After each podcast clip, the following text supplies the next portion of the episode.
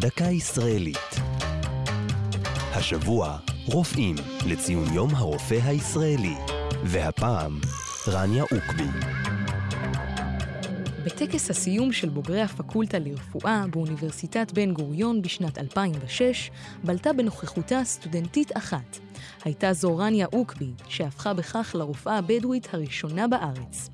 היא נולדה וגדלה בתל שבע עם ששת אחיה ואימה. האם גידלה אותם לבדה.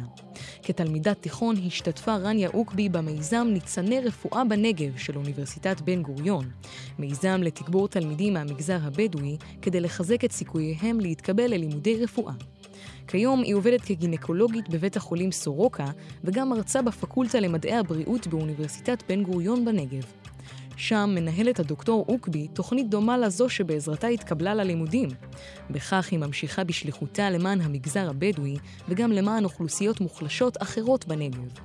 אוקבי מקיימת גם מרפאה פרטית ברהט. שם היא מציעה שירות מרכזי של סקירת מערכות מוקדמת לנשים בהיריון, כדי לאפשר גילוי מומים בעובר לפני השבוע ה-17.